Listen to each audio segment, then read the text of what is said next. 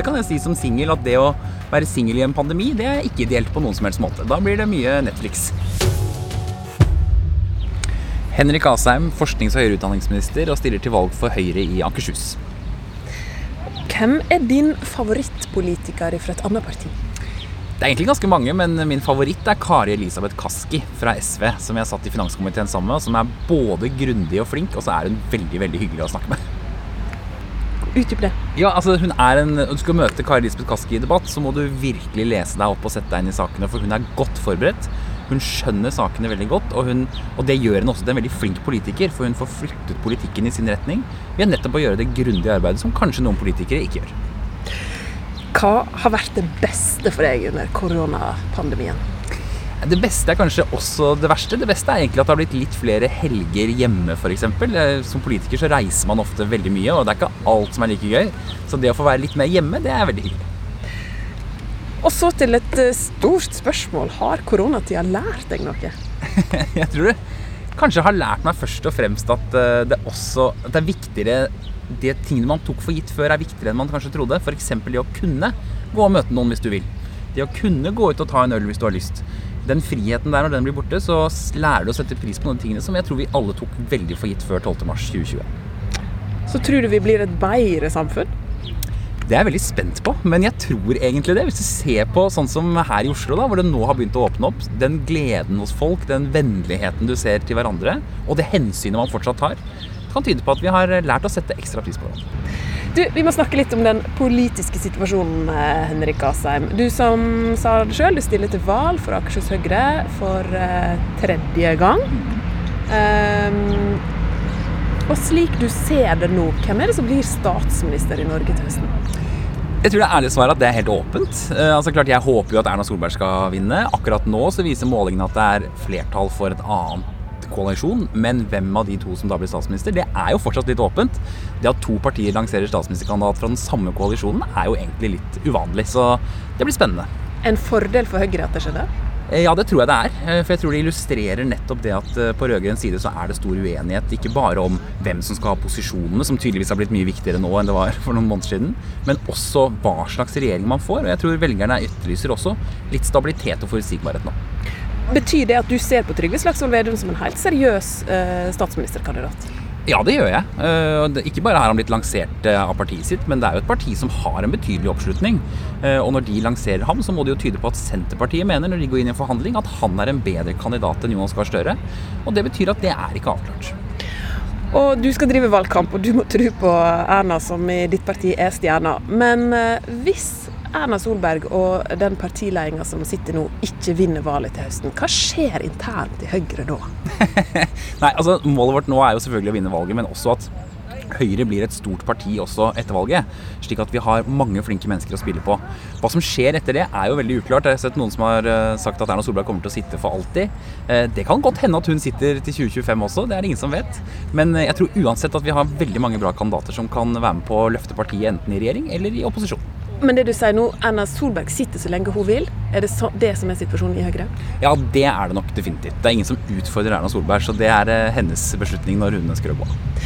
Du, jeg måtte eh, snakke litt med eminente politiske kommentator eh, Lars Nehru Sand før dette intervjuet.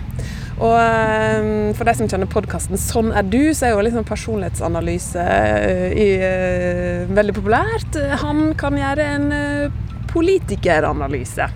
Og han sier at Henrik Asheim han er ett av to. Han er enten han som står opp hver morgen, ser politiske saker, politiske utspill, kan glede seg til en opposisjonstilværelse, for da er du friere, da kan Høyre være Høyre. Eller han er han politikertypen som eh, egentlig helst vil ha fri. Kan jeg være en blanding av de to? Fordi jeg syns det er en veldig morsom jobb jeg har, og jeg, er jeg blir oppriktig engasjert av politikk og av å drive med politikk. Men jeg liker også veldig godt å ha fri i helgene og slappe av og sånne ting. Så det er vel egentlig en fin balanse i livet, det å kunne både finne roen når du har tid til det, men også ha det gøy på jobb når du er på jobb. Grunnen til at eh, sånne som han går og grubler på dette, er jo at jeg grubler også litt på hva er det Henrik Asheim vil framover. Hvor langt vil han eh, ta det?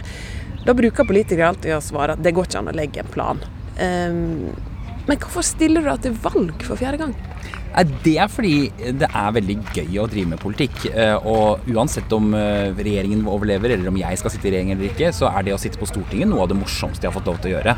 Det å bli kjent med så mange mennesker, jobbe med politikk fra dag til dag, delta i debatter, sånne ting, det er veldig, veldig gøy. Så jeg hadde veldig lyst og stor motivasjon til å kjøre en ny periode hvis eh, velgerne vil. Men det betyr at du utelukker ikke å bli partileder i Høyre? det er jo veldig dumt å utelukke eh, noe som helst, egentlig. Men eh, nå viste du til denne podkasten 'Sånn er du', og der har jeg fått påvist eh, gjennom en personlighetstest at jeg ikke har ambisjoner. Overhodet. Komisk lavt, sa de faktisk. Og det betyr at jeg drives ikke av den typen diskusjoner. Det jeg drives av, er egentlig å ha en jobb som jeg syns er gøy. Og det har jeg nå, og derfor så håper jeg å få lov å fortsette med det.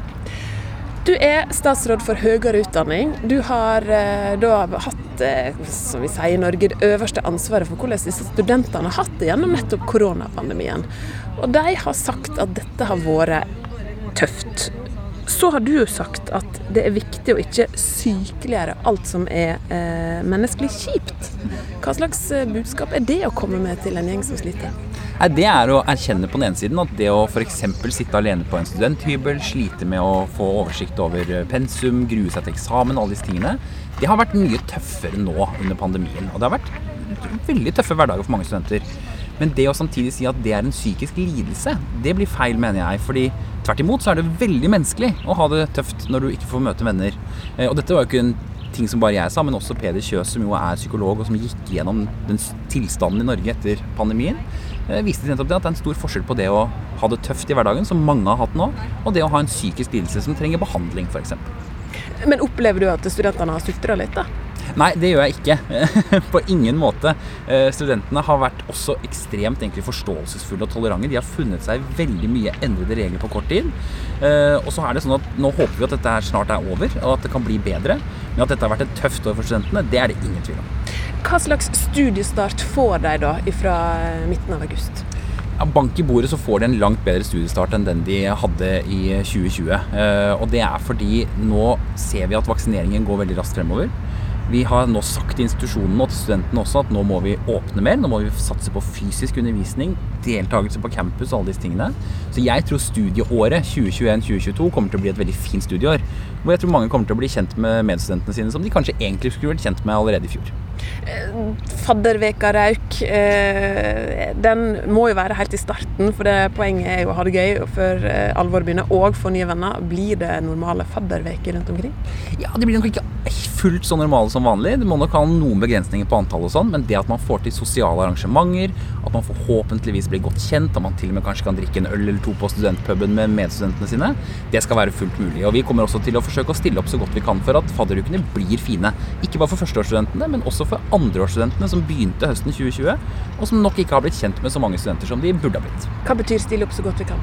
Nei, Vi har jo uh, bevilget egentlig 1,1 milliarder til studenttiltak, og der ser vi at det er penger igjen. Og Det betyr at Stortinget nå også har sagt at vi skal bevilge 40 millioner kroner til å bistå ute lokalt studentfrivilligheten til å lage ulike arrangementer for studentene gjennom hele høsten egentlig 2021. Så, så det er vel brukte penger at de får litt ekstra armslag på det. Det er sommeren 2021. Det er faktisk så mye som ti år siden angrepet på regjeringskvartalet 22.07. og eh, skytinga på og drapa på Utøya. Den sommeren var du unge Høyre-leder, og det skulle vel ha sommerleir også sjøl. Hvor var du den dagen? Jeg var faktisk hjemme. Jeg hadde vært på jobb, og så var jeg hjemme. Vi skulle dra på hytta, han som jeg var samboer med da, og meg, den kvelden. Og da var jeg fortsatt hjemme og pakket da disse nyhetene begynte å komme. Og etter det så ble det jo bare verdens mørkeste dag, egentlig, altså. Og som leder for Unge Høyre så hadde du både ansvar for en del ungdommer, og du var nært AUF-ledelsen. Dere kjenner hverandre godt, mm. også i ungdomspolitikken. Nå, ti år seinere, så hører vi AUF-ere, både som overlevde og var der den gangen, men også den nye ledelsen krever et oppgjør, et mer politisk oppgjør. Og så har mange sagt at de ikke skjønner hva det oppgjøret er. Har du skjønt det?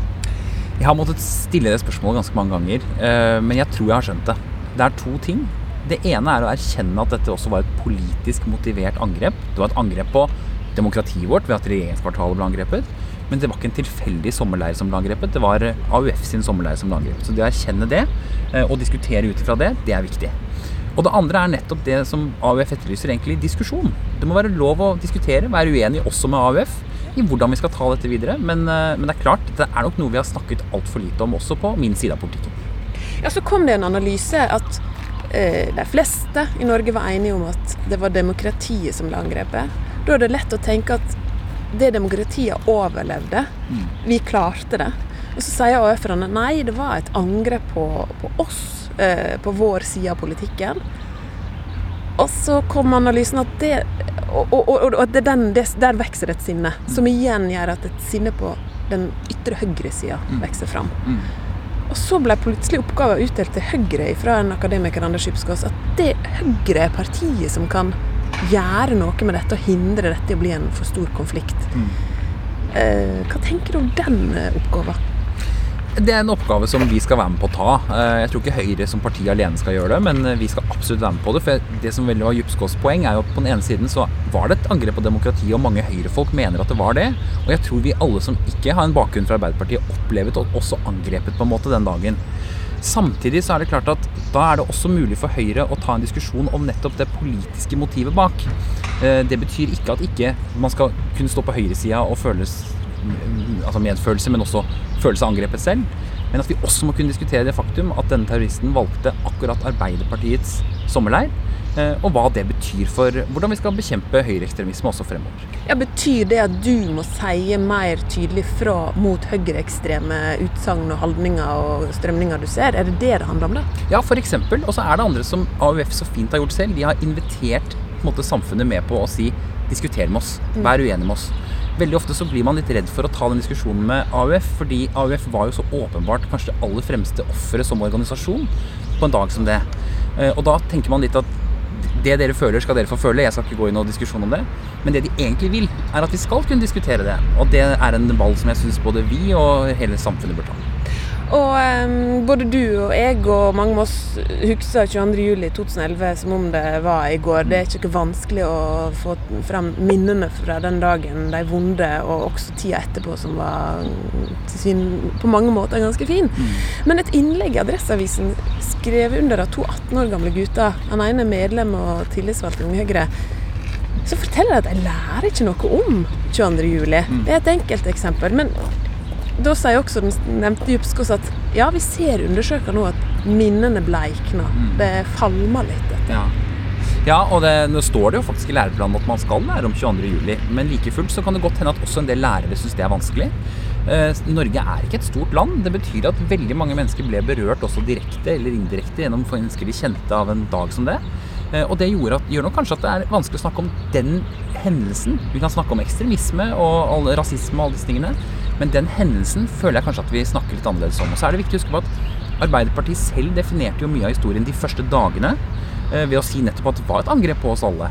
Eh, så etter hvert nå så har jo tiden gått, og da må vi også kunne diskutere det politiske som var bak, selv om Arbeiderpartiet vil jeg si, inkluderte oss på en veldig raus måte, det norske folk, i den sorgen de selv sto i. Så det skrives et nytt kapittel i historien om 22. juli disse dagene her nå denne sommeren 2021, kanskje? Ja, det, og det syns jeg egentlig allerede er i gang. Altså, jeg har sett at eh, Geir Lippestad, som var forsvarer for terroristen, har skrevet en kronikk om dette. Eh, flere og flere stemmer kommer nå opp og, og mener ulike ting. Og det tror jeg egentlig er det AUF-erne har ønsket seg, og det skal vi jammen meg møte dem på. Du, du har sagt at du ønsker deg mam og barn, og før ferien så ga du et intervju til Dagbladet som du kaller en kontaktannonse. Er, er dette intervjuet også en kontaktannonse? Ja, jeg liker turer i skog og fjell. Jeg liker å lage mat. Og nei, nei, ikke det. Det er ikke det. det eh, men, men, for all del, ringer det en hyggelig mann, så skal jeg ta telefonen. Ja. Men eh, det blir en sommer med litt mer tid til flørt? Det gjør det sikkert, fordi det blir jo litt lettere å flørte nå. Det kan jeg si som singel, at det å være singel i en pandemi, det er ikke ideelt på noen som helst måte. Da blir det mye Netflix. Singel og vaksinert. Nettopp. Så da får vi eh, ønske sommeren velkommen. Hvis det blir sol nå, så er alt til rette for både mann og barn innen uh, jul.